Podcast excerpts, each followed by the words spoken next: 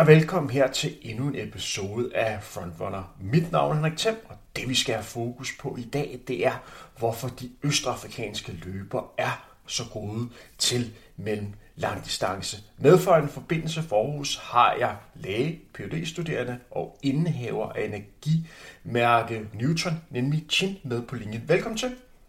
Jo, tak Henrik. Hvordan går du og har det i det oceanske?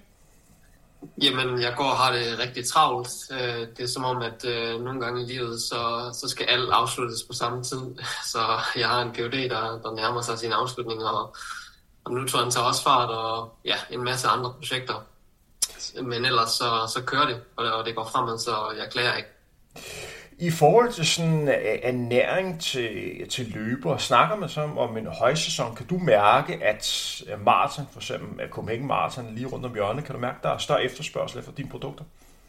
Ja, det kan jeg vist uh, roligt godt sige. Uh, og det er jo ikke kun uh, løber, det er jo alt uh, inden for al sport. Når, når solen kigger frem, så, så skal folk ud og bevæge sig. Uh, og der, er, der sker en, en kraftig øgning af salget, kan man sige. Så hvad er det princippet med mere efterspørg, lad os sige maj måned kontra november, øh, december?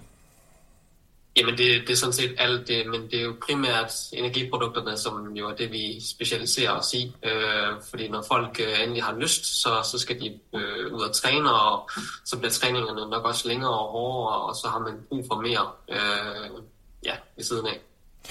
Det vi som sagt skal have fokus på i dag, det er, hvorfor de østafrikanske løber er så gode til at løbe langt. Og når vi ser Østafrika, så tænker vi primært på løber for Etiopien, øh, Kenya, e- Eritrea og Uganda. Nu er Tanzania også begyndt at, vise deres dominans, øh, især på, på maraton-distancen. Øh, Øh, vi kommer til at lave det sådan, at jeg har forberedt mig en, en lille top 10. Normalt plejer det dig, der får den opgave, men nu er det mig, der har lavet en top 10, og så får du mulighed for at kommentere og rette, øh, og eventuelt sige, at jeg er helt gal på den. Men før vi starter på det, så er jeg forberedt en lille quiz til dig. Har du mod på det? Ja, endelig. Hvis vi går ind og kigger på alle tiders rangliste på, på maraton, og vi tager udgangspunkt i herrenes, hvor langt skal vi ned på listen for at finde den første løber, som ikke er født i Østafrika? Øh, det må næsten...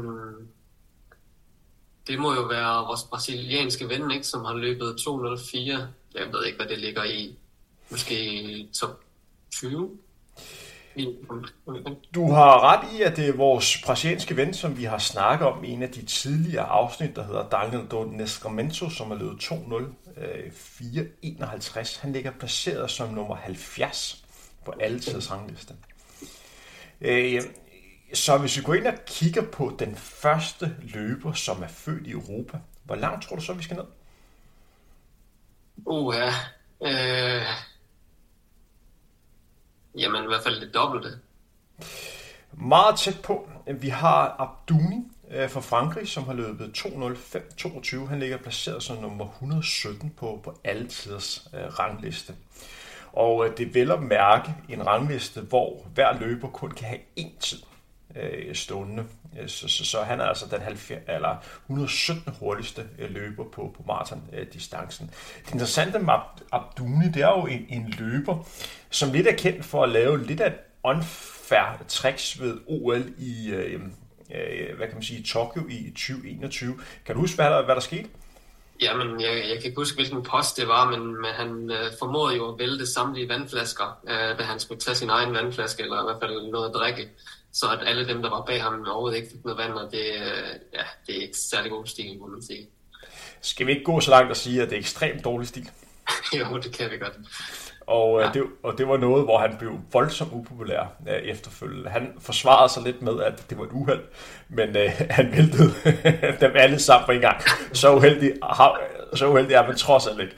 Nej, nej, det er Hvis vi kigger på halvmarathon-distancen, og så får samme spørgsmål, hvor langt tror du, vi skal ned på listen for at finde den første løber på herrenes liste, som ikke er født i Østafrika? Uh, ja, det, det må næsten ligge endnu lavere. Uh, jeg kan ikke huske, hvem der har løbet. Jamen lad, os sige lige omkring 100 så. Det er faktisk uh, Julian Vanders som er født i Schweiz, som har løbet 59-13, som er Europakort som nummer 75. Det sjove med ham, det er, at han faktisk som 17-årig valgte at tage til Kenya og boede der en, i en del år. Og nu er han altså i Europakort både på 10 km og halvmarathon. Og det er altså den 75. hurtigste tid nogensinde. Når man kigger på de her ting her, øh, hvad kan vi konkludere? Bliver man ikke lidt skræmt som europæisk født løber, når man kan se, at det er så svært at gøre sig, øh, gøre sig igen?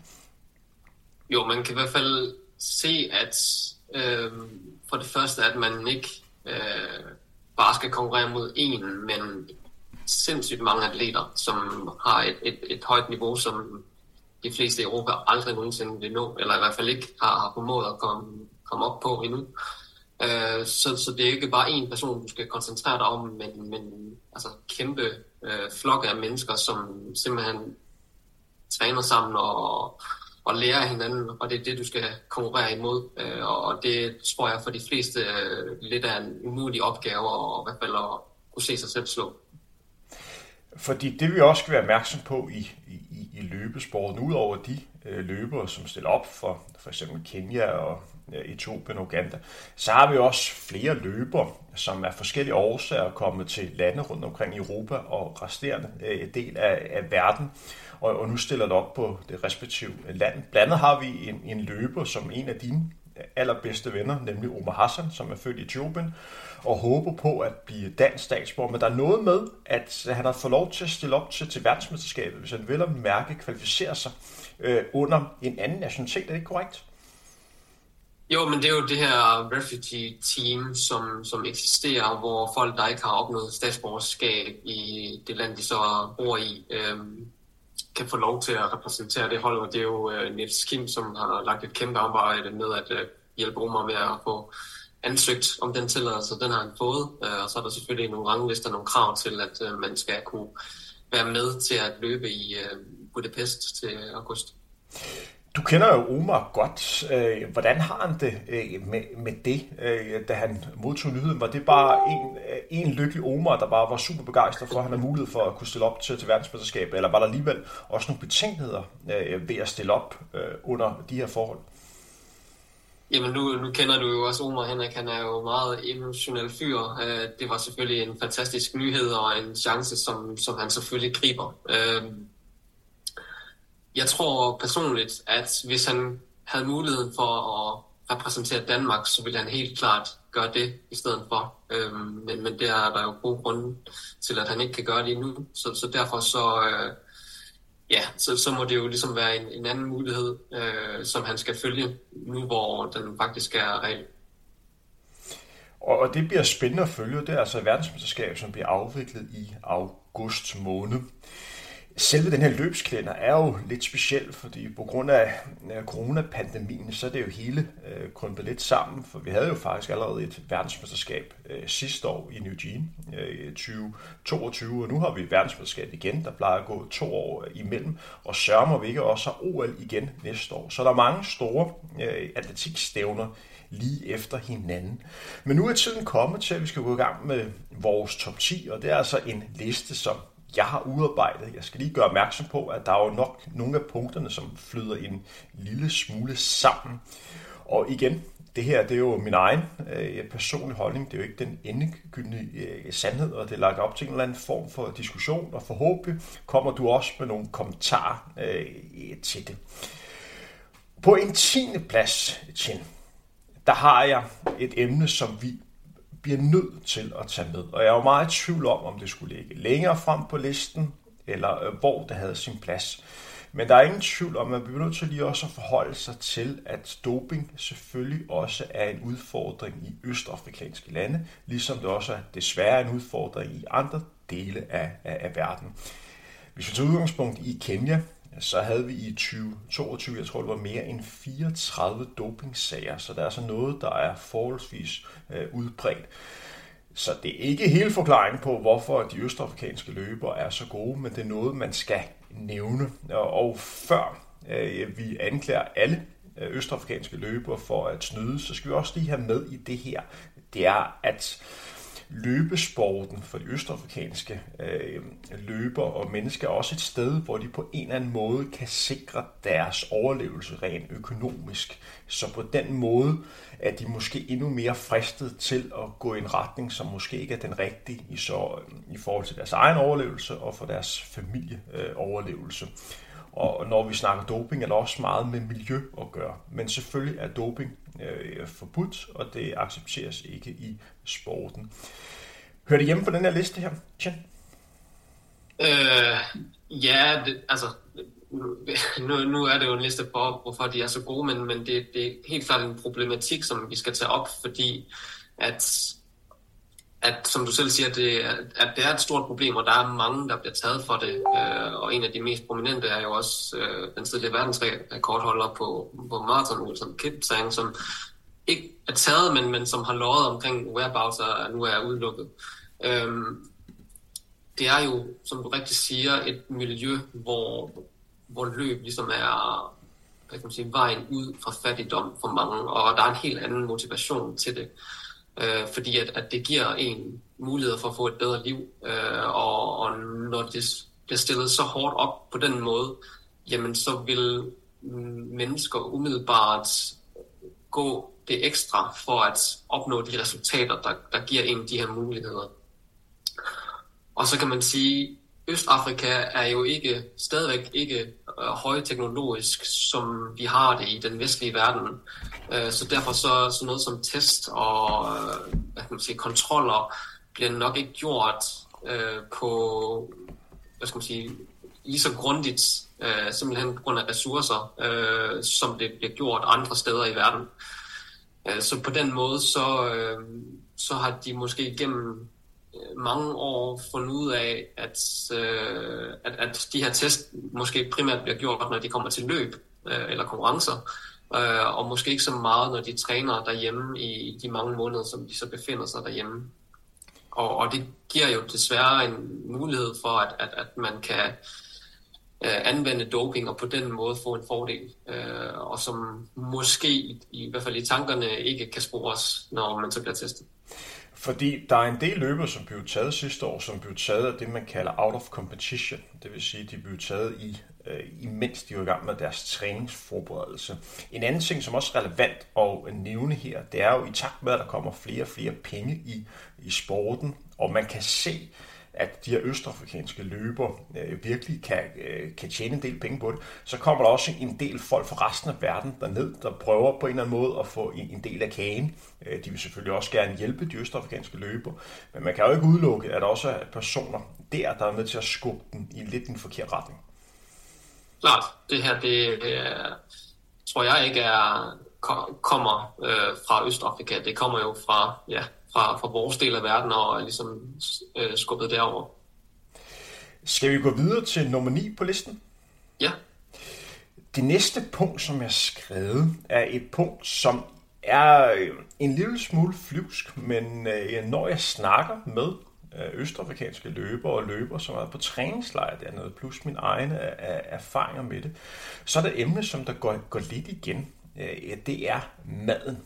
Og øh, maden er et kapitel sig selv, når man sådan snakker Østafrika. Men mange snakker faktisk om, at det, som de, de spiser dernede, øh, faktisk gør, at de, man kan, at de føler, at de kan træne en lille smule bedre, og det er måske, hvad kan man sige, lavet på en lidt anderledes måde, end man ellers gør her øh, i, øh, hvad kan man sige, i Nordeuropa, og dermed har, har været med til at gøre, at de kan, kan holde øh, til, til lidt mere øh, træning. Det er svært for mig at være endnu mere specifikt, men jeg synes, at selve ernæringsdelen hører hjemme på, på denne liste, og jeg ved, det er et område, som du har endnu mere øh, viden om. Når jeg siger bedre mad, ryster du så på hovedet, når jeg siger, at det er en af årsagerne til, at man løber bedre i Østafrika? Jeg ryster måske lidt på hovedet, øh, men, men øh, jeg kan i hvert fald sige det sådan, at maden, de spiser der, dernede, den er meget naturlig, økologisk. De, de, de tror jo, altså i hvert fald hvis man nu spørger Kipchoge, så tror de ikke på alle de her supplementer som, som jo er en stor ting i vores del af verden, hvor man skal tage alt muligt ekstra. Det, de spiser, det er dyrket på, øh, i, i området, og det er jo meget simpelt, oftest ris, øh, majs. Øh, I Kenya og øh, Uganda spiser man det her ugali, som jo er den her form for majsgrød eller dej.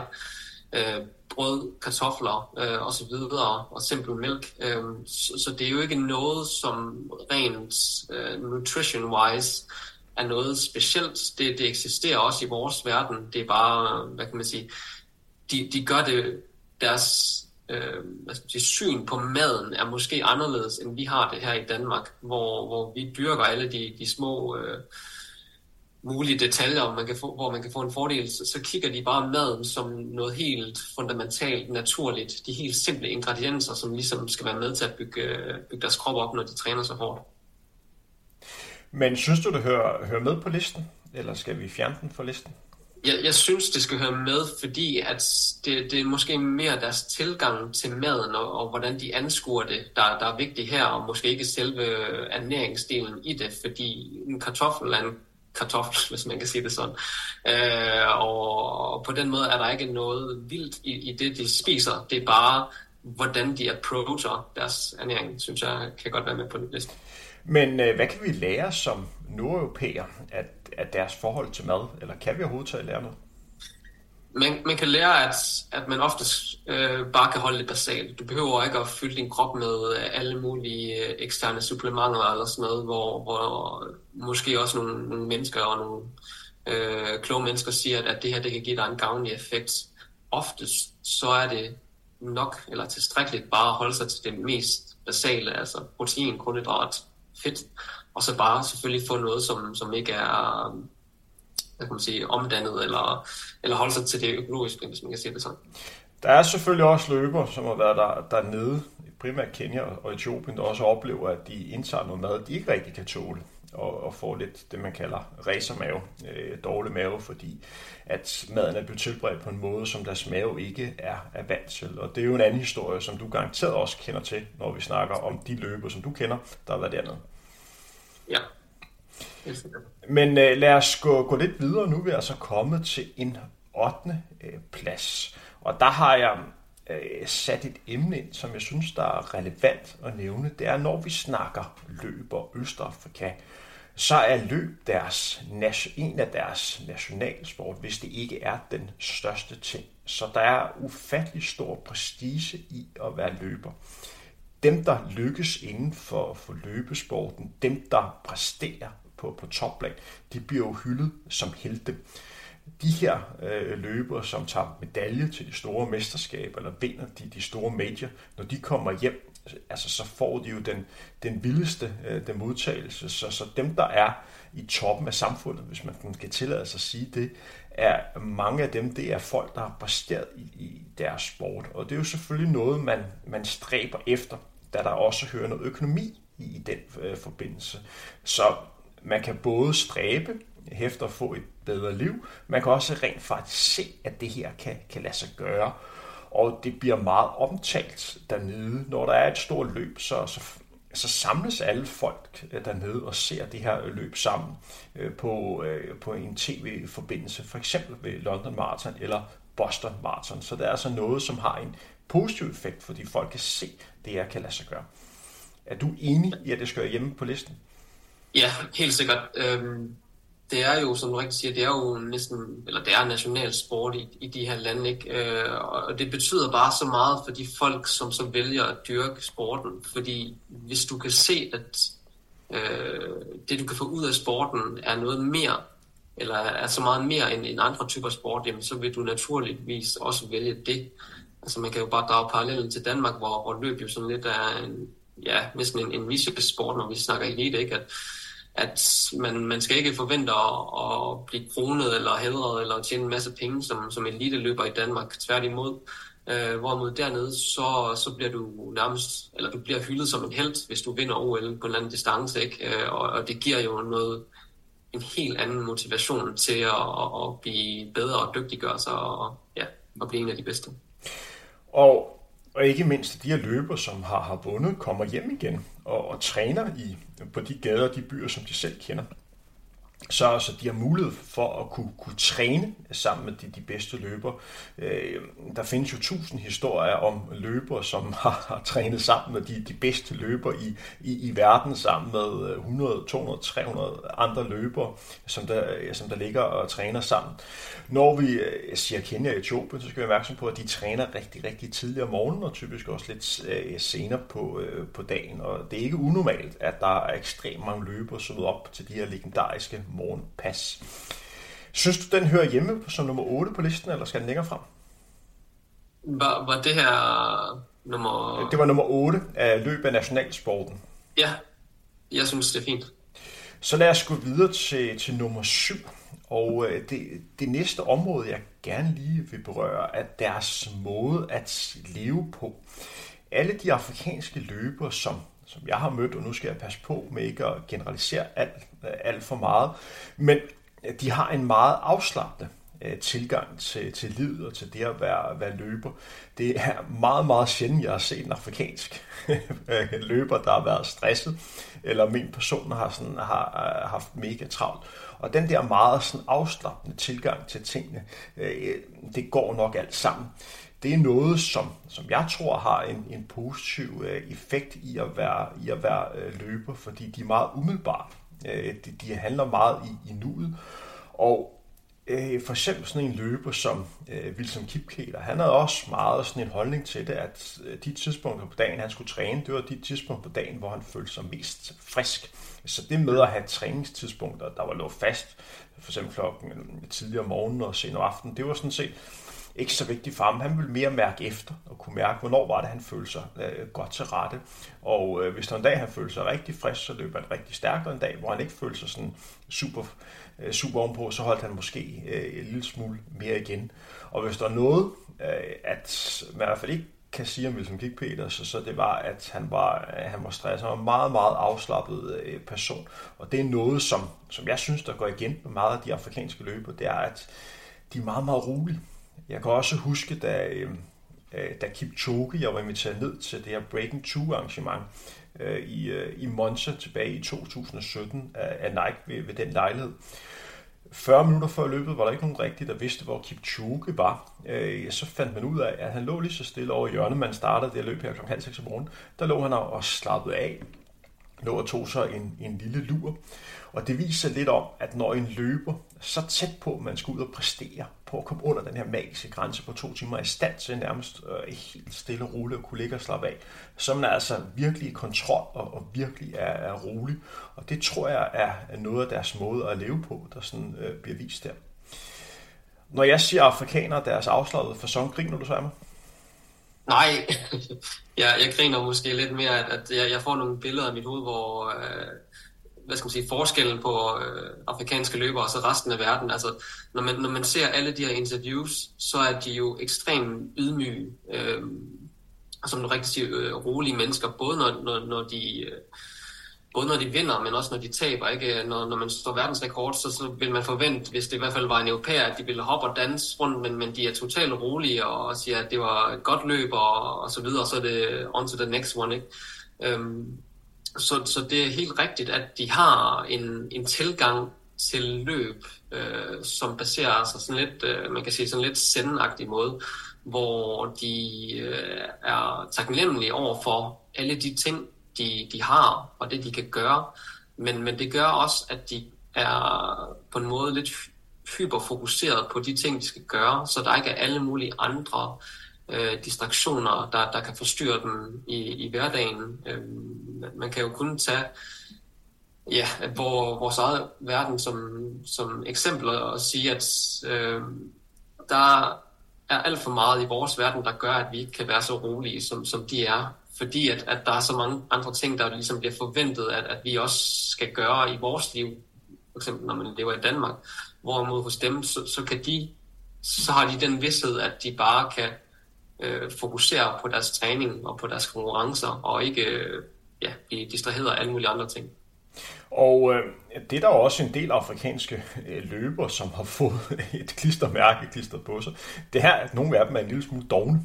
Øh, og igen i forhold til øh, for eksempel Wilson Kipketer, det var sådan, han kom til Danmark sammen med hans træningskammerat øh, Robert Kiplekat, som har den, øh, det danske rekord, som også var nordisk rekord på 1500 meter, indtil Ingebrigtsen begynder at løbe stærkt på, på 3.31. Øh, Men da Wilson Kipketer kom til, kom til, til Danmark, der kom man under en træningsgruppe i Sparta til at starte med, som den, den tidligere landstræner, en der hedder Henrik Bø øh, Larsen, som har trænet mange af de, de bedste løbere i 80'erne og 90'erne. Og kunne godt se, at Wilson Kipketer var det største land, han nogensinde arbejdet med. Men man kunne også fornemme, at det var en person, som på en eller anden måde ikke rigtig øh, gad så meget at virke en lille smule lad. For eksempel hvis det regnede, så gad han ikke komme til træning, fordi han gad ikke at blive våd. Øh, og det kunne Henrik Larsen ikke rigtig arbejde med. Så han sagde til ham, prøv at høre, du kan blive verdens bedste løber, men jeg kan ikke hjælpe dig, fordi jeg har brug for nogen, som møder op, øh, når jeg ved, der, der er træning. Så røg han så videre til en, der hed Novak, og så øh, gik han så en, en anden retning, men det viser lidt også om, hvordan afrikanske løber også kan være. Ja, helt sikkert jeg tror, man skal prøve at finde en balance, når man snakker det med, med ens tilgang til, til løb og, og resten af ens liv, ikke? hvor man sådan skal finde det, det rigtige øh, spændingsniveau. Vi er jo alle sammen forskellige, øh, og man bliver jo også påvirket af det miljø, man er i, kan man sige. Øh, så, så hvis man unge løbere kan se, at det er sådan tilgangen er for de bedste løbere i deres land eller deres træningsgrupper, så begynder man jo også at, at adaptere på samme måde. Og det samme er, er gældende i, i resten af verden. Ikke?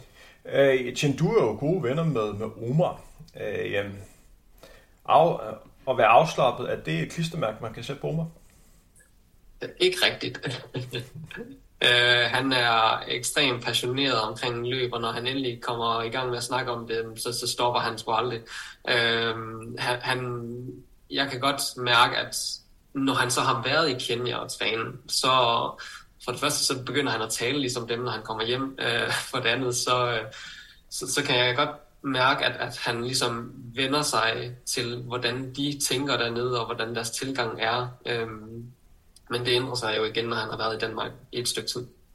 Men nej, Omar er ikke en, en rolig person som sådan. Synes du, det her det hører hjemme på omkring nummer 7 på listen? Ja, jeg, jeg synes, det, det er vigtigt at påtale, hvordan ens øh, hvad skal man sige, levemåde er omkring øh, løb er, øh, fordi at det bare, øh, hvad kan man sige, det, det, det afspejler, hvordan man også kan, kan takle de problemer, der er, når man så øh, konkurrerer osv. Så lad os gå videre til nummer 6 øh, øh, på, på listen, og det er et område, som jeg kalder bedre træning, bedre træningsområder. Øh, fordi i, i takt med, at de østafrikanske løber har vist deres dominans på, på alle de, de, de lange distancer, så er der mange af de, de bedste træner i verden, der har taget ned øh, til, øh, til Østafrika og plukket øh, mange af de største talenter, og på den måde lært dem op, så det kunne blive de, de næste bedste løber øh, rundt omkring øh, i, i verden. Og det har gjort, at de har øh, blevet lært op i de bedste træningsformer og arbejdet med de, de bedste øh, træner. Og samtidig selve området omkring Kenya og Etiopien er jo også et område, som nærmest er skabt til det at være, øh, være løber. Øh, jamen, det er områder, hvor det sådan går, går meget op og ned. Du bliver udfordret også i terrænet, så du får en, øh, en stor forståelse i det at være løber og kunne mestre forskellige øh, terræner. Og det kan man andet se, når der sådan er verdensmesterskab i terrænløb. Øh, de her løber er jo fantastiske til de her rytmebrud, og til at kunne løbe op og til at kunne løbe ned af, og kunne holde løbestilen, og hele tiden kunne, kunne accelerere, kunne, kunne håndtere sving og på en eller anden måde. Og på den måde får de en, en, en stor skoling i at kunne, kunne mestre forskellige øh, løbeformer. Og det er jo øh, to ting. Det er, at de har arbejdet med de, de bedste, bedste trænere og fået de bedste træningsforhold der, men også at området i Kenya, Etiopien og andre steder i Østafrika er, er fantastisk øh, til det at være løber. Tænker du også øh, højderne her ind i det her punkt? Øh, højderne øh, kommer... Øh, øh, vent, det, det, det, er, det faktisk også med i, i det her punkt her. Øh, det var faktisk et punkt, jeg har taget øh, længere ned på listen, men kan se, at jeg har kørt den op igen. Så ja, højderne skal også med her. At det selvfølgelig også betyder lidt, at man træner i 2.000 meters højde, og på den måde får hele øh, fordelen ved at lave højdetræning og få øh, arbejdet med flere røde blodlemmer i systemet. Yes, øh, helt enig. De her træningsmiljøer og træningsområder gør jo forskellige ting. Øh, for det første er der, er der meget forskellige natur, øh, og, og som du rigtig siger, forskellige terræn, hvor du kan træne alle de her ting, øh, så man for eksempel også bliver god til, til cross og så videre. Jeg, jeg vil sige, det er mere omkring de træningsmiljøer, øh, fordi du kan også godt finde højdetræning og, og bakker og sådan noget øh, i Europa, men, men det, der gør dem så gode, det er, at de træningsmiljøer, som du tidligere har nævnt, de, de står op klokken, klokken 5 om morgenen, og så løber de sgu afsted på en lang tur klokken 6, ikke? Øh, og så der kommer en eller anden rutine, hvor du har så mange dygtige løbere øh, samlet, og du ligesom bliver trukket med på den der måde. Det, det gør bare, at man har nemmere ved træninger. Det gør, at man kan træne hårdere øh, og bedre. Og over lang tid, jamen, så vil det bare betyde, at, at du får en, hvad skal man sige, en kontinuerlig træning, hvor du bare rammer din pas. Øh, og, og der er altid nogen, du kan blive trukket øh, op med. Øh, så, så på den måde, så, så, så misser du ikke så mange af de, de, de gode træninger, og dermed så bliver du også bedre. Øh, så det hele setupet omkring, hvordan de træner sammen, som, som jeg synes er især vigtigt. Hvor meget betyder højden i det her? Jamen, øh, højderne er jo velkendt for de fleste nu, ikke? Når, når du træner op i højere øh, luftlag, hvor der er mindre ilt, så vil kroppen kompensere ved at smide mere EPO ud fra nyrerne, og så det stimulerer jo så øh, dannelsen af flere røde blodlemmer i din knoglemarv. Øh, hvis du træner i det her hele tiden og vender dig til det, øh, og vi, vi snakker en del måneder, øh, jamen så, så vil du have en fordel, når du så kommer ned i, i, i lavere luftlag, hvor der er mere ilt øh, i atmosfæren, og så vil det hele føles nemmere ved en given pace. Øh, så, så det er klart, det er en fordel. Øh, men igen, det er ikke noget, som er unikt for, for, for Østafrika. Det kan du også godt finde andre steder i Europa på den sags skyld. Øh, men, men det hele kombinationen, kan man sige, af det miljø, de træner i, øh, folkene, højderne, øh, området, hvor, hvor det hele det varierer, det også er, er smukt, så, så du ikke skal øh, løbe rundt og se på beton hele tiden. Det, øh, ja, det spiller. Et ting, som også skal have fokus på, det er jo, at mange af de her løbere er jo decideret bange for asfalt. Øh, de gange, jeg har trænet med afrikanske øh, løber, som primært har boet i Etiopien og Kenya, så er det påfaldende, at hver eneste gang, man er kommet til en landevej, så det nærmest stoppet helt op og sagt, der skal vi ikke løbe. Det er blevet en, en lille smule mere naturligt for dem, men med en, langt, øh, en lang periode holdt de sig væk fra, for asfalt, og vi løb på, på grusstier Øh, eller deciderede øh, skovstier. Og det er vel også en faktor, som er relevant øh, at nævne her, det er jo, at, man, at de har været i stand til at kunne holde til en endnu større belastning, fordi de ikke har løbet så meget på asfalt, som for eksempel vi nogle gange har været nødt til i Nordeuropa. Jamen det er, jo, det er jo klart, det er, jo, det er bare meget hårdere for, for, for bensåret at, at løbe på asfalt, øhm, simpel af den mekaniske påvirkning. Ikke? Øh, til gengæld så kan du løbe noget hurtigere på asfalt, end du kan på en, ja, en skovsti. Så, så det er jo opvejning, men man kan igen sige, hvis, hvis det er kontinuerlig træning, øh, der ligesom er den afgørende faktor, jamen så, så er det, hvad skal man sige, det, at man kan holde sig skadesfri, jo den, den vigtigste ting, man kan gøre i forhold til at præstere, og så øh, er, har der måske ikke været et behov for at på asfalt øh, på samme måde. Det skal også lige nævne, at jeg har fået det indtryk, at inden for de sidste 10-15 år er der sket en stor ændring i den måde, som man man træner øh, dernede, at det bliver langt mere sådan systematisk, og man har langt mere kontrol over, hvad de forskellige øh, løber øh, har lavet. Fordi det indtryk, som jeg fik, øh, hvad kan man sige, da jeg var på, øh, på toppen sådan i starten af, øh, starten af 10'erne og i, i 0'erne, puha, nu kommer til at lyde som en gammel mand. Men øh, det billede, de historier, jeg hørte om, var typisk, at øh, folk mødte op i de her store grupper øh, om morgenen, og så var der typisk en, en stor bil, der kørte, øh, kørte bagefter, så startede man stille og roligt ud i langsomt tempo, og så blev tempoet bare sat stille og roligt op. Og når man ikke kunne følge med mere, så røg man op i bilen, og når der var en tilbage, så var træningspasset øh, af, øh, øh, stoppet. Og jeg har også været med på nogle af de her træningsture, de var ganske modbydelige. Og det var altså træningsture, hvor selv verdensmester kunne blive sat, hvis de havde en dårlig dag.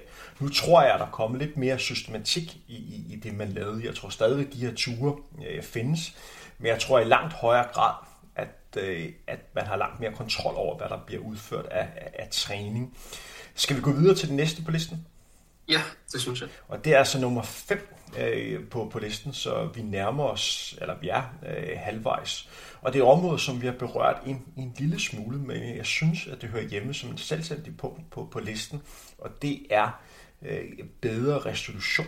Og jeg, det hænger lidt sammen også med deres afslappende façon at leve, øh, leve på.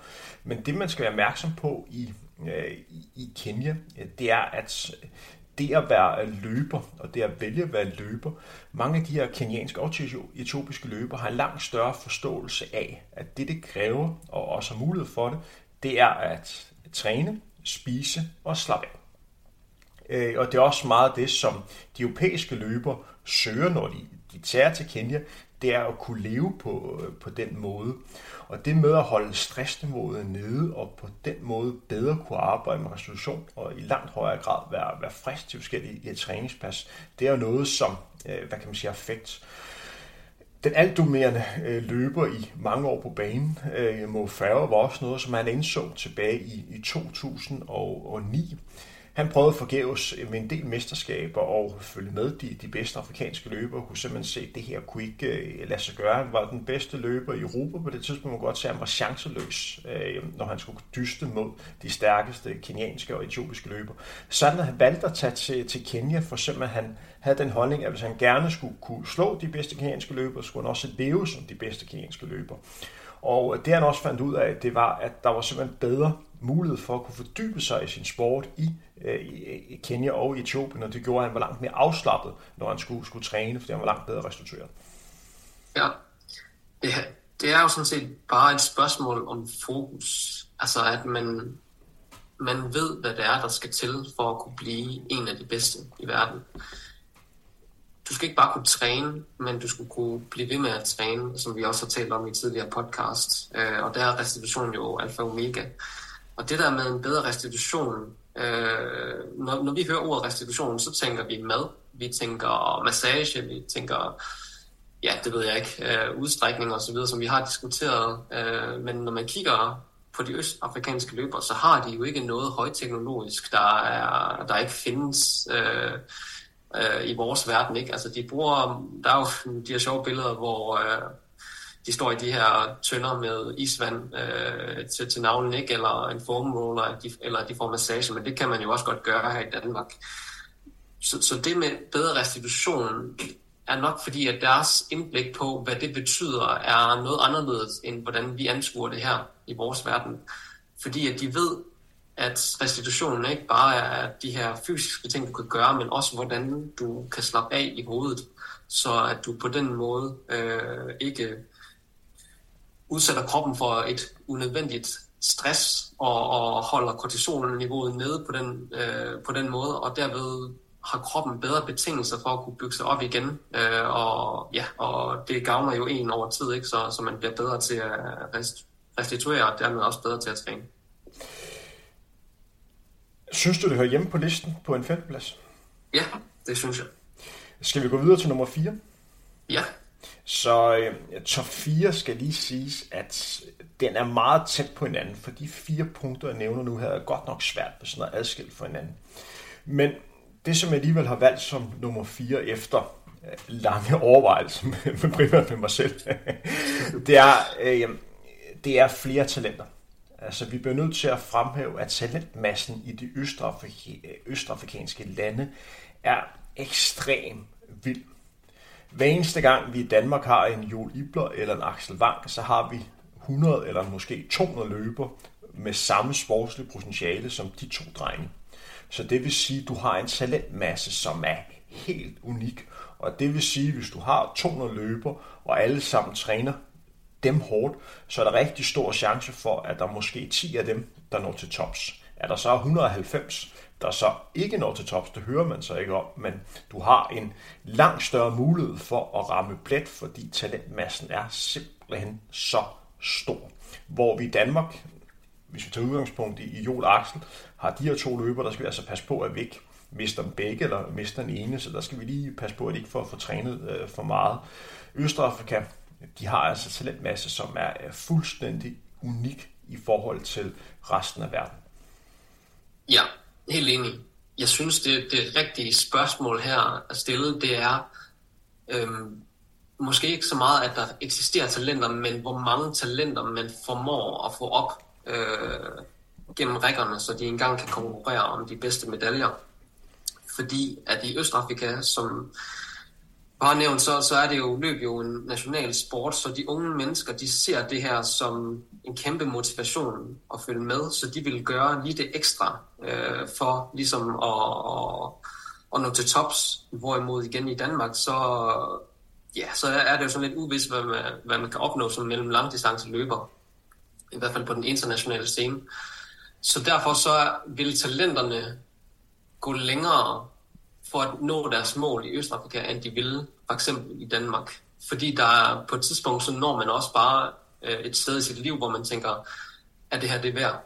Øh, så, så på den måde, så udover at de selvfølgelig er en større population, og der er flere mennesker, så, øh, så har de også bare flere folk, der er noget mere motiveret til at øh, forfølge deres løbedrømme, øh, end vi er her i Danmark. Øh, og så er der også en anden ting med, at de jo, mange af de her kulturer jo, er jo øh, ret fattige, kan man sige, i forhold til os. Så, så mange af de her børn, de vokser jo op steder, hvor de er vant til at bevæge sig rimelig store distancer øh, fra en helt øh, ung alder af. Og, og det gør jo bare, at, at de kan, kan næsten springe ind på løbescenen, hvor man kan sige, uh, unge mennesker i, i starten af 20'erne løber vanvittige tider, men, men det er jo ikke fordi, at de bare har trænet to år og noget dertil. De har jo vendet deres krop til at bevæge sig over ret store distancer fra en hel uh, barnealder.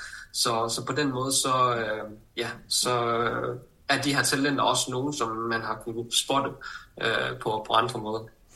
Og vi skal selvfølgelig også nævne i den her sammenhæng, det er jo, at der findes jo rigtig mange talenter i, i Danmark, som ikke kommer ind i, i løbesporten, og det er jo blandt andet det, som vi to har fokus på, det er jo, hvordan får man de her talenter ind i løbesporten, og hvordan fastholder man den i løbesporten. Og det er jo en udfordring, som, som øh, vores sport har, og det er at få fat i de, de største øh, talenter. Og nogle gange er det et tilfælde, man kommer ind.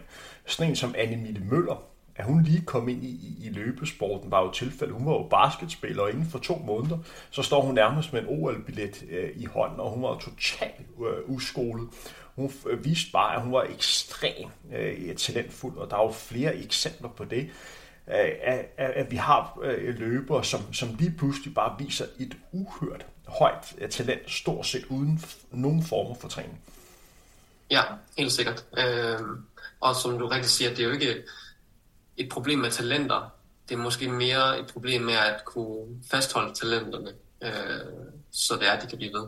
Og så har vi også den udfordring i Danmark, fordi at vi har talenter, men det er sjældent, at vi har rigtig mange talenter øh, på samme tid. Så det vil sige, at når der kommer et talent frem, så bliver der rimelig hurtigt meget fokus på, på den enkelte. Og så er det så den her snak om, hvordan passer man bedst muligt på talentet. Og jeg har desværre set en lille tendens til, at man sådan rimelig hurtigt fortæller talentet, hvor god du rent faktisk har mulighed for at kunne blive. Og der er godt nok lang vej for en løber, der lige er startet med at løbe, og så sige til, til løberen, at du kan måske blive den bedste løber herhjemme igennem tiderne. Der er altså mange træningspas og mange fravalg, der skal gøres, for at du kommer derhen. Og der er det måske været bedre for, øh, for personen, hvis der var andre, der stod i, i samme situation, som man ikke havde det pres hængende på sig. Helt sikkert. Øh, man kan sige, at mange af dem, øh, de øh, mellem langdistance løber, vi har i dag, som ligesom topper, de er jo ikke unge som sådan, altså, nu skal jeg nok passe på med jeg snakker om alder, men, men de, de er i hvert fald ikke uh, slut 20'ere, uh, øh, udover dem, du har nævnt, uh, eller slut uh, starten af 20'erne hedder det. Um, så, så, så det gør jo, at man nok, som du rigtig siger, føler sig meget isoleret, uh, og, og plus, man ved ikke, hvad det er, øh, der ligesom øh, skal til. Og hvis du konstant får fortalt, hvor god man kan blive, så begynder man at stile efter noget, som måske enten er urealistisk øh, at gøre alene, eller at man tager sig til takke med det, der ligesom er, som måske kan være at vinde DM-medaljer, hvis det er det, øh, ens mål er. Øhm, så, så på den måde, så er det, det er rigtig svært for et dansk talent, og jeg vil våge at påstå, at der, hvor det er allersværest i, i Danmark lige nu, det er der, hvor man, man har de unge talenter i teenageårene, og så fastholde dem, indtil de så rammer, det ved jeg ikke, øh, 20 års alderen, og så bliver, bliver ved. Jeg tror, vi taber rigtig mange øh, i, i, det, i det alders øh, spænd, øh, fordi de simpelthen finder ud af, at, at det ikke er noget for dem. Og så er det øh, der, hvor danske løber også bliver ekstremt udfordret. Det er jo det med, når der skal bryde barriere. Og det er jo blandt andet det, øh, det sted, hvor at der er udgangspunkt igen, fordi det bliver lidt mere håndgribeligt, der hvor Joel og Axel står lige nu her. Det er to løber, som begge to har niveau til at sætte dansk rekord i deres respektive øh, distancer. De har også nogle, øh, nogle danske rekorder øh, lige i øjeblikket. Der er endda også europæiske juniorrekorder. Men de skal altså i en relativt ung alder øh, finde en vej Øh, hvor ingen andre dansk løbere har været tidligere. Og det vil simpelthen sige, at de skulle ud og bryde en, en, en barriere, og der har være en kæmpe fordel, hvis de har haft andre danske løbere, som de kunne spejle sig op i og se, okay, det her det er vejen frem, for nu skal du ud og selv og skabe den her. Øh, plus at de skal også lære at håndtere det med skuffelser og skader og andet. Og det er også en del af den uddannelse at, at, at være løber. Det er rigtig svært, når man kun har haft en kurve, som er gået fremad, lige pludselig også at lære at håndtere det. Og der har det været en fordel, hvis der har været nogle øh, nogle løber, som der har været tæt på dem i, i en gennem overrække, som der lidt bedre kunne fortælle, det her det er også en del af det at være løber. Det er en del af en proces, tiden skal nok komme, så man på mange måder kunne have øh, en lidt mere strømlignet linje, som man for eksempel har i dansk badminton, hvor der hele tiden dukker en ny verdensstjerne op, som i mange år har, har trænet i skyggen af en anden verdensstjerne. Og det er jo i princippet det, som vi skal stræbe efter i dansk løbesport, at man har det fødesystem, hvor der hele tiden er nogen, som står på spring øh, til at komme øh, til toppen. Helt sikkert. Skal vi gå, gå videre til nummer tre? Ja. Så, så igen, den her top 4 har været svært for mig at placere, men jeg synes, at det er relevant også at nævne genetik. Øh, fordi der er jo ingen tvivl om, at det ikke er et tilfælde, at vi har så mange østafrikanske løbere, som ligger og tager medaljer og, og ligger og vinder de, de store øh, majorløb rundt omkring i, i verden. Øh, man kan diskutere, hvor meget genetik øh, spiller ind, men man skal ikke være i tvivl om, at når vi snakker langdistansløb, så er det altså vigtigt at, at vælge sine forældre med omhu. Og der er nogen, der for barnsben har haft en, øh, en fordel. Og, og det kan man også tillade sig at sige om de, de østafrikanske løber. Er der så også noget miljø og noget sult, som vi kommer ind på senere, det er så en anden historie. Men genetik spiller helt sikkert ind her. Synes du, det hører hjemme på en tredjeplads? Øhm, jeg synes, genetik hører hjemme, men, men nu, nu, ja, nu, nu har jeg jo min, min baggrund, og, og synes måske, at genetik øh, oftest i den her diskussion bliver blæst op som om, at jamen, de, de er bare bedre genetisk, så derfor så, så kan vi ikke øh, hamle op med dem. Det, er ikke, det synes jeg ikke er tilfældet. Øh, der er klart, der er nogle, nogle træk, øh, som, som ligesom disponerer for, at, at man vil blive en bedre løber. Øh, der er jo sådan nogle associationer med, hvor, hvor stor omkredsen er på ens lægmuskel i forhold til, hvor hurtigt og, og sådan noget du kan løbe. Og der må man bare sige, sådan en som mig, der er jo sådan lidt doomed, fordi at, øh, ja, at jeg og mine forældre har en, en genetik, der siger, at, at, at lægmusklen bliver relativt stor, selvom jeg ikke træner. Øh, hvorimod mange af de østafrikanske løbere, det ser ud som om, de ikke har nogen øh, muskler på deres, øh, ja, på deres læg. Øh, og så er der jo også det der med, at de er høje og øh, altså relativt høje i forhold til, hvor meget de vejer. Øh, jeg, jeg ved ikke, hvad, hvad gennemsnitsvægten er, når de tager ud og, og løber, men når man ser på sådan en som Omar, han er jo en dansk stats, øh, hvad skal man sige, øh, statuette ret spinkel. Øh, og hvis du sætter Omar ved siden af, lad os sige, Kipchoge eller Kamwara, så vil Omar se relativt muskuløs ud og stor. Øh, og det, det er jo også noget med deres genetik og hvordan de ligesom lever på, der, der gør, at, at de ligesom er, har den helt rigtige kropsbygning til at kunne præstere, når vi taler om mellem langdistance løb. Øh, om det så er ren genetik, det vil jeg nok sætte lidt mere spørgsmål øh, ved, øh, fordi det hænger også sammen med, hvordan du lever og hvordan du træner. Men, men jeg er enig i, at genetik helt sikkert øh, spiller en rolle i det. Jeg kan huske, at det jeg var tilbage i, i 2010, at jeg så, at der var lavet en lidt større undersøgelse om øh, vægt og højde i, i, i forhold til øh, den menneskelige formåen her, tog man så udgangspunkt i mændenes 10.000 meter. Og der kunne man se, hvis man tog udgangspunkt i øh, de løber, som på det tidspunkt havde under 27 minutter, og så regnede deres BMI ud, så var gennemsnittet for, øh, for de løber, det lå på sådan 19,3, 19,4, og det er altså sammenhæng mellem øh, øh vægt og højde. Og det, der sådan var, var påfaldende her, det var, at den højeste løber, der lød under øh, 27 på det tidspunkt, var sådan 1,283. Øh, eller så var det typisk løber, som var under 1,80, og endda også lavere, øh, som blev stærkt på den her 10.000 meter distance. Årsagen til, at man lavede den undersøgelse, det var, at der lige pludselig var en amerikaner, der hed Craig Solensky, som, var, øh, som skilte sig lidt ud, for han var tæt på, øh, på 1,90 og vejede lidt over 70 kilo. Og han var altså bare en, undskyld mit sprog, en stor bas i forhold til mange af de her østafrikanske løbere, fordi han sprang fuldstændig alt, hvad man troede, der var muligt, da han løb under 27 minutter øh, for første gang en amerikansk løber tilbage i, i 2010. Det er ved at være 13 år siden, jeg kan huske, at jeg følte med, og jeg synes, det var yderst fascinerende at se, at det her rent faktisk godt kunne lade sig gøre for en løber, som man måske lidt bedre selv kunne, kunne sammenligne sig, sig selv med. Øh, men øh, skal vi have den længere tilbage på listen, eller skal vi have den her i top 3 genetik? Uh, jeg vil nok placere den lidt længere nede. Øh, mest fordi at, at mit budskab i det her, det er nok, at alle er forskellige, og at vi, vi er simpelthen ikke, det, det er simpelthen for nemt at, at tilskrive genetik og sige, at østafrikanske løbere er, er bedre af den grund, så, så derfor kan vi aldrig måle os med dem.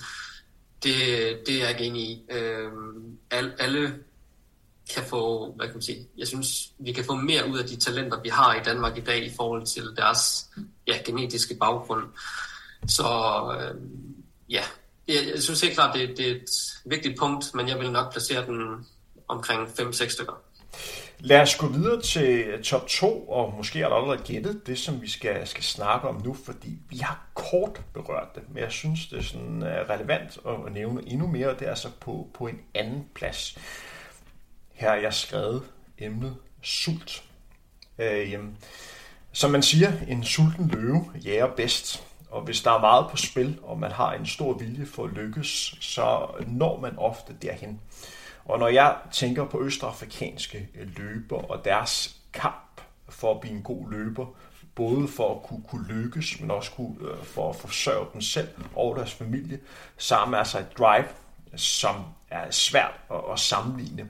Og det gør, at man er villig til at æde den ene kilometer efter den anden, og virkelig gerne vil, vil lykkes med, med det her projekt. Og det tror jeg, at man bestemt ikke skal, øh, skal undervurdere, når man, man snakker om, hvorfor de østafrikanske løber er så dominerende, at de har en mega sult på, at det her det skal kunne lade sig gøre for. Helt enig. Øhm, det, det, det siger sig selv. Øh, det er det der øh, spørgsmål af, how bad do you want it?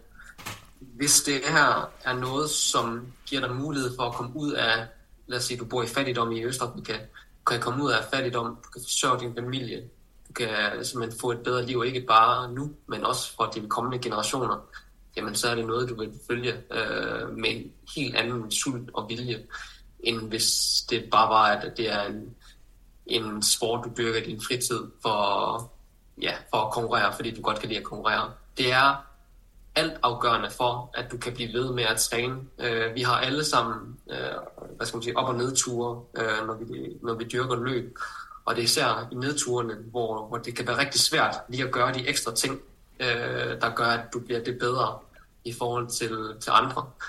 Øh, og, og når noget så vigtigt som livskvalitet og, og mulighed for at komme ud af fattigdommen er, er nogle af de spørgsmål, der, der ligesom bliver stillet i forhold til den sport, du dyrker, jamen så, øh, så kan vi på ingen måde matche øh, nogle af de østafrikanske løbere. De, de vil det simpelthen meget mere, end vi vil.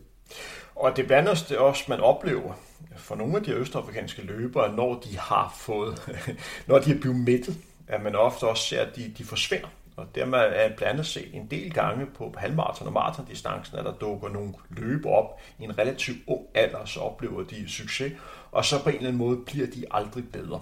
Og når man tænker på det, så er det jo nogle navne, der, sådan, der hurtigt springer op. Sådan en som Dennis Kimetto øh, kom ind på maratonscenen med Brag i, i 2012, øh, hvor han løb den hurtigste debuttid nogensinde på, på maratondistancen, og var uhyggelig øh, ved øh, Chicago Marathon året efter, så satte han altså en massiv ny verdensrekord på maratondistancen i 2014, var den første under øh, 203. Derefter øh, røg der en del rigdom i hans retning. Han havde halvanden god maratonløb mere i sig, og så så man ham aldrig igen. Øh, og der er også en, som hedder øh, Julius Mutai, eller øh, øh ja, Mutai hedder han, som også har, har opholdt sig lidt i Danmark, der også sat øh, verdenskort på et tidspunkt. Efter han lige pludselig fik succes, havde han heller ikke den, den samme sult. Så det er også noget, man skal være opmærksom på her. Det er, når løber lige pludselig har, har nået den her øh, øh, hvad kan man sige, mål, som de gerne vil med deres sport, at de måske ikke har det her samme drive mere. Helt sikkert. Øh, det sjove ved, nu nævner du Dennis Kimetto, han, han, han træner jo stadigvæk. Der er jo en masse YouTube-videoer, hvor man faktisk kan se, at, at, at han stadigvæk løber. Øh, men, men det er jo igen altafgørende for, hvor meget du vil øh, det her, der, der gør, at du simpelthen bliver ved. Øh, jeg synes i, i den her debat om, omkring øh, resultater og sådan nogle ting, så synes jeg lidt, at, at det her punkt måske bliver, bliver underspillet lidt, men, men også fordi, at, at det oftest måske er andre sult på dine vegne, som, som bliver fremhævet, eller der bliver sat fokus på, eller din, din træner, din omgivelser sult på, på dine vegne, at, at så skal du opnå sådan og sådan og man måske ikke fokuserer på, hvad er det, atleten egentlig gerne vil, når vi snakker løb, i Danmark i hvert fald. Øh, så, så det er vigtigt, at de også skal have deres egen sult. Det kan ikke bare være sult på andres vegne, fordi ellers så vil du på et tidspunkt, hvis du ikke præsterer, så vil du også gå død i det. Det skal være din egen lyst til at, at gøre de her ting, fordi ellers så vil du aldrig opnå øh, at, at blive en af de bedste. Og øh, en person, som lige kan fremhæve her, det er jo Elie Kipchoge, som har været på absolut topplan. Vi snakker om en løber, som vandt sit første verdensmesterskab tilbage i 2003 og satte verdensrekord ved Berlin Marathon sidste år i 2022. Altså 19 år at være på absolut øh, topplan. Han har jo snakket om, at selvom han har tjent gode penge, så er det altså rigtig vigtigt for ham, at han stadigvæk bor i knap så gode forhold, så han kan have den her sult og den her drive til at komme ud og, og træne. Og det er noget, som han er meget bevidst om, at det er vigtigt for ham, hvis han kunne lykkes med sin sport. Skal vi gå videre til nummer et på listen? Ja, det synes jeg. Så øh, nummer et øh, på min liste er et punkt, som øh, som jeg synes er det, det allervigtigste, når vi snakker om årsagen til, hvorfor de østafrikanske løber er så gode, og det er miljø. Øh, vi har lidt nævnt det tidligere, men øh, jeg t- øh, årsagen til miljø, det er sådan summen af det hele. Først og fremmest handler det om, at de har en træningskultur, hvor de hjælper hinanden til tops. Man har et miljø, hvor folk møder op i store grupper, øh, om morgenen og, og træner sammen. Der er en skoling i, at man uddanner sig i at blive de bedste løber i, i verden. Man har også et miljø, hvor man har vendt sig til i, igennem årene at løbe af en transportform. Det vil sige, at man har løbet til og fra øh, skole. Man har måske haft 6-8 km øh, hver vej. Det vil sige en relativt tidlig alder, allerede som 5-6-årig, så man vendte kroppen til at kunne løbe sådan 14-16 km øh, om dagen og gjort løb til en naturlig del af øh, det at være, være menneske. Og det gør, at når for eksempel nordeuropæer typisk kommer i gang med at løbe sådan i teenagealderne, der er man allerede sådan øh, 10.000-20.000 km efter de her østafrikanske løber, fordi de allerede i mange år har trænet rigtig, rigtig meget. Så derfor har jeg miljø som nummer et på min liste. Ja, øh, fuldstændig enig øh, miljø dækker jo over mange ting, så, så udover det, du siger med, at, at, at folk starter tidligere, og at, at man træner sammen mere i grupper, så er det også igen, som vi har talt om i andre podcasts, det der med, at du kan lære fra andre, og du kan se, hvordan din adfærd skal være for at nå op til tops. Løb er jo sådan lidt en speciel sport, fordi det er jo en individuel sport, helt basic, fordi du kun får dine egne resultater. Øh, det er sådan, at øh, sporten er sammensat, øh, desværre. Øh, og, og det betyder jo, at for, for måske de fleste vedkommende i, i vores verden, det er, at man til sidst kun tænker på sine egne resultater. Øhm, og der synes jeg, at den, eller i hvert fald den fornemmelse, man, man får, når man hører de her østafrikanske løbere snak omkring deres træningsmiljøer, så har de en helt anden tilgang til det. Øh, de træner med folk, som selvfølgelig er deres konkurrenter, men de ved også godt, at hvis de hjælper de her folk til at træne bedre, så vil den hjælp også komme tilbage. Så du møder ikke op til et træningspas og, og tænker på, hvordan kan jeg kun få mest ud af min træning. Du, du har ikke en anden agenda end, at du kommer til træning, og så skal du nyde den træning, der er sammen med andre, og træne hårdt sammen, fordi at man simpelthen kan løfte i samlet flok. Så, så for dem, så er det, selvom det er en individuel, individuel sport til sidst, så er det et holdsport, hvor at du er nødt til at træne sammen med andre. Øhm, der er nogle af de her NN Running Team dokumentarer på, på YouTube, hvor der er nogle øh, af de her elite taler om det, at hvis du kun træner alene, så, øh, så tror du, du er, er verdensmester. Og når du så lige pludselig står til konkurrencen, så, så bliver du sat af alle de andre og tænker, hvad skete der lige der? Så, så det der med, at man også kan træne sammen med andre, som er så dygtige, det, det viser også bare niveauet, og, og det, det gør bare, at du, du får en større forståelse for, at man er nødt til at træne sammen som en gruppe, for at kunne blive en bedre individuel øh, løber. Så den her tanke med, at, at der i en gruppe altid skal være en, der er den bedste, og, og altid, altid skal kæmpe hver eneste træningspas for at dominere de andre, jamen det, det er måske noget af, af den gamle skole, ikke, øh, som, som man har dyrket. Men i dag, hvis du skal se alle dem, som lykkes rigtig godt med løb, så er det folk, der træner hårdt konsekvent øh, sammen med andre kontinuerligt, og ikke der er jo nogle enkeltstående øh, cases, hvor, hvor der er en løber, der kun træner for sig selv, som, som er rigtig god, men, men oftest nu til dags, så, så, så er det oftest folk, der, der træner i, i større grupper, der, der skaber de bedste resultater. Og, og det, der er også relevant at nævne her, det er jo, at de har en, en helt anden form for, for skoling i det også at være, være løber i et fødesystem, fordi når jeg snakker med sådan østafrikanske løber, øh, så, så den måde, de sådan kommer frem, øh, det er, at der er jo sådan to måder. Typisk er det via banen, altså gå direkte øh, på de, de længere distancer. Og årsagen til, at folk nu til dags yngre og yngre går mod de længere øh, distancer. Øh, det skyldes primært, at det er, hvor de, de fleste øh, penge er. Men hvis man går mod de længere distancer, så starter de typisk som at være pacemaker for nogle af deres træningskammerater og hjælpe dem med at, få for gode tider, for at komme ud og snuse til, til landevejsløbene og lige fornemme, hvordan er det at løbe her, hvordan er det at løbe i Berlin, hvordan er det at løbe i, i London, hvordan er det at løbe i, i Rom, og så derefter de har gjort det et, et par gange, så de er altså mod nok til selv at kunne løbe på, øh, hvad kan man sige, på egen hånd. Og det har man altså stor prestige i også, at komme ud og være pacemaker, komme ud og være hard og kunne, kunne hjælpe med, at de, de bedste løber præsterer, fordi de lærer rigtig meget af det. Og det er jo en del af skoling i det at være langdistansløber for de her østafrikanske løber, som er blevet en del af deres miljø, en del af deres kultur.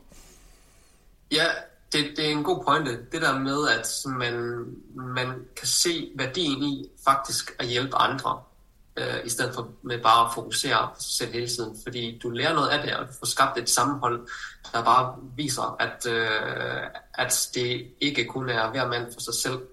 Øh, og, og helt rigtigt, så vil det i sidste ende øh, medføre, at, at alle løfter niveauet, øh, og, og dermed så, så vil det ene talent altid blive slået af den store gruppe, øh, som, som hjælper hinanden. Øh, hvilket jeg synes er, ret øh, klart, når man kigger på løbeverdenen i dag. Er du enig med, at miljø skal være nummer et på listen? Ja, det, det synes jeg. Er der nogle ting, som vi mangler i uh, min top 10?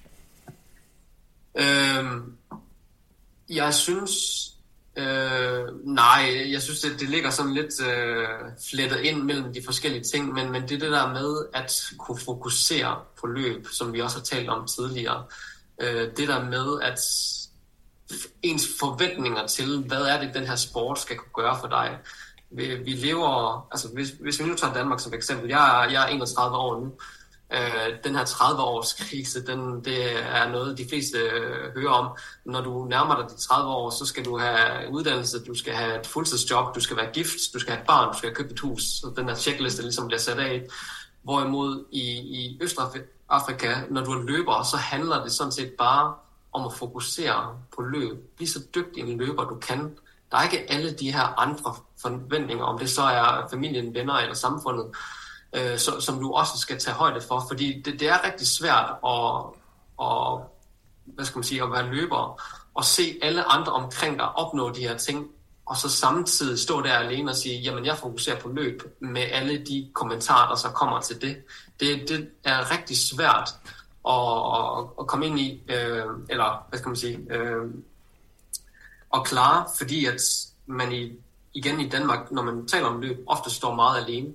Så, så det, at det, der ligesom er en, en kollektiv fokus på løb, når du er i de her miljøer, gør bare, at du har så meget nemmere ved bare at fokusere på løb, i stedet for alle mulige andre distraktioner, som, som tager dit fokus væk øh, fra, fra det, det handler om, når, når vi taler om top performance og blive nogle af verdens bedste. Så din pointe lidt her, det er, at når man typisk i Øh, i Kenya, øh, man får også spørgsmål hjemme for det spørgsmål, når, hvad laver du?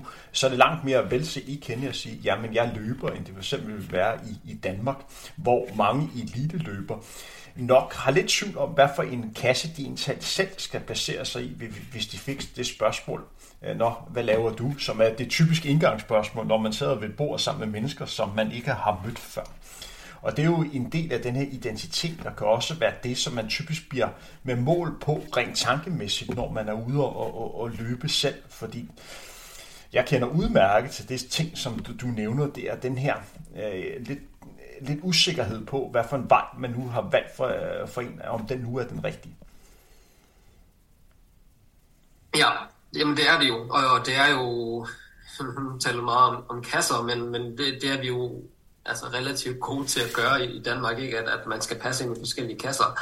Og, og, og det der med løber, det, altså, løber er jo ikke noget, du er, det er noget, du dyrker i, i din fritid, eller når, når du ikke gør andet.